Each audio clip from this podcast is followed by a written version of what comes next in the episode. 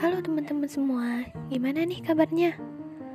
Semoga kita selalu dalam lindungan Allah Subhanahu wa taala dan selalu dijaga dalam kesehatan ya. Amin amin ya rabbal alamin. Nah, teman-teman, kali ini aku akan nyampaikan ke teman-teman tentang masalah pertemanan nih. Pasti kita semua punya teman dong, bahkan sahabat, bahkan mungkin lebih dari itu.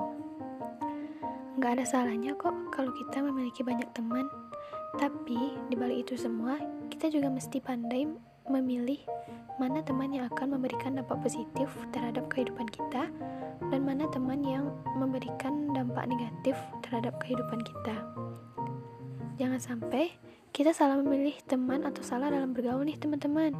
Karena bisa aja kita bakal terjebak dalam lingkup pertemanan yang sering disebut dengan toxic friend loh.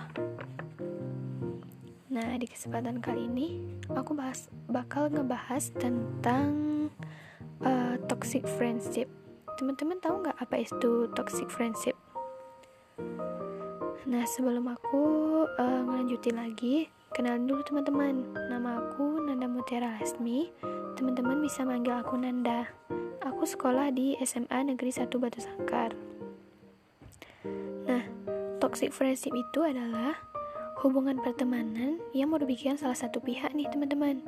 Sementara itu, si satunya lagi lebih banyak diuntungkan karena telah merugikan pihak yang lainnya. Kerugian itu bisa aja dari segi material maupun enggak nih. Nah, istilah toxic friendship ini mengacu kepada teman yang uh, tidak mendukung dan tidak memberikan kontribusinya yang bersifat positif untuk hidup kita nih teman-teman. Mereka itu sering membuat kita stres, bahkan makan hati loh. Nah, hal ini itu bisa merusak kebahagiaan kita nih teman-teman. Dan bisa juga merusak kesehatan mental kita nih. Jadi, teman atau lingkup pertemanan seperti ini tuh harus kita hindari nih. Karena hal ini gak ada manfaatnya buat kehidupan kita. Lantas seperti apa sih ciri-ciri lingkup pertemanan yang toksik itu? Teman-teman tahu nggak sih? Ciri-ciri teman yang toksik itu kayak apa? Nah, yang pertama itu, mereka itu selalu memprioritaskan dirinya sendiri nih.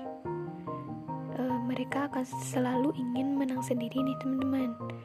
Mereka itu e, hanya ingin didengarkan tanpa mau mendengarkan e, masalah kita.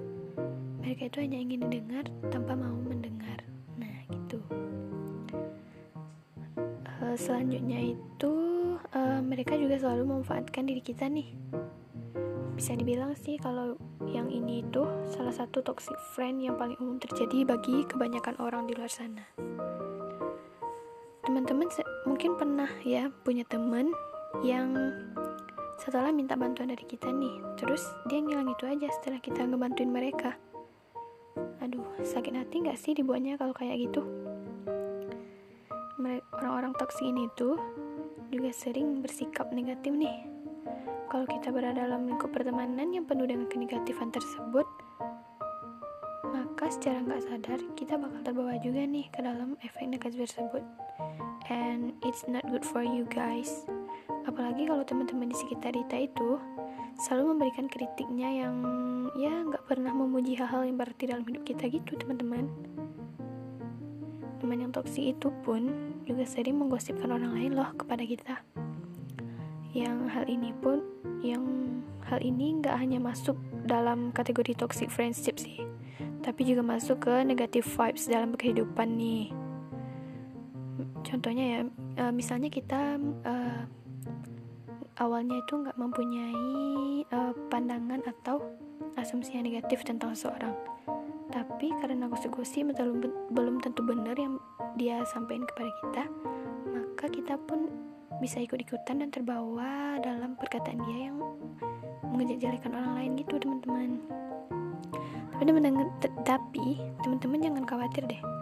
Hal ini tuh bisa dihadapi dengan beberapa cara loh. Kita bisa menghadapi teman toksik itu dengan cara-cara yang ya mungkin bisa uh, teman-teman lakuin ya.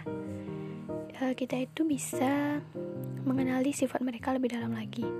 Apakah mereka mereka itu benar-benar toksik atau mereka cuma toksik ke diri kita karena mereka itu merasa kalau kita itu bisa dimanfaatkan gitu loh.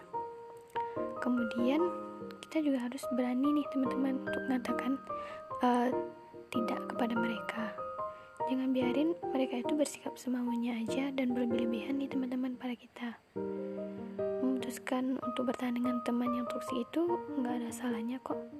Tapi kita harus siap-siap nih teman-teman dalam menghadapi kemungkinan yang akan terjadi. Nah jika udah dirasa sangat berlebihan nih cobalah untuk berani mengatakan tidak dan melawan apa yang dia lakukan kepada kita. Kita juga harus membentuk batasan nih teman-teman dalam pertemanan itu. Jangan biarin mereka semena-mena aja kepada kita. Dalam kita juga uh, selain itu, kita juga harus mengutamakan kesehatan mental dan kebahagiaan diri kita nih teman-teman. Jangan sampai kita malah ngorbanin kesehatan mental kita hanya untuk membuat teman kita yang toksik itu merasa senang nih. Aduh, selanjutnya, jika kita udah sampai di titik di mana kita udah nggak bisa lagi mentoleransi masalah dalam pertemanan, teman yang uh, toksik ini tuh teman-teman ragu deh untuk mengakhiri pertemanan tersebut. Kesehatan mental kita itu jauh lebih penting.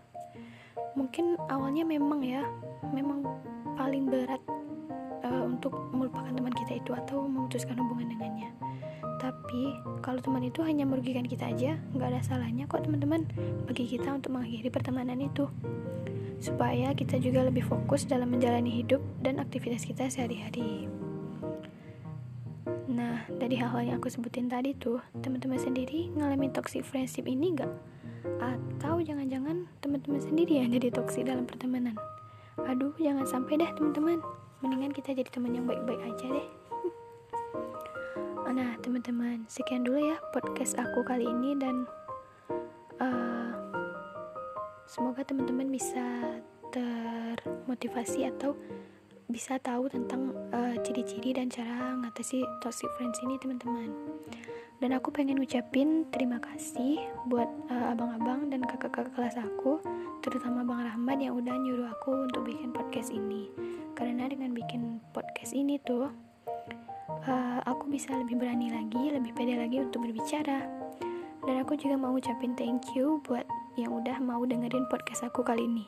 Semoga bisa bermanfaat bagi kita semua ya teman-teman, terutama, terutama untuk diri aku sendiri nih. Uh, uh, oke teman-teman sampai di sini dulu ya. See you next time. Bye.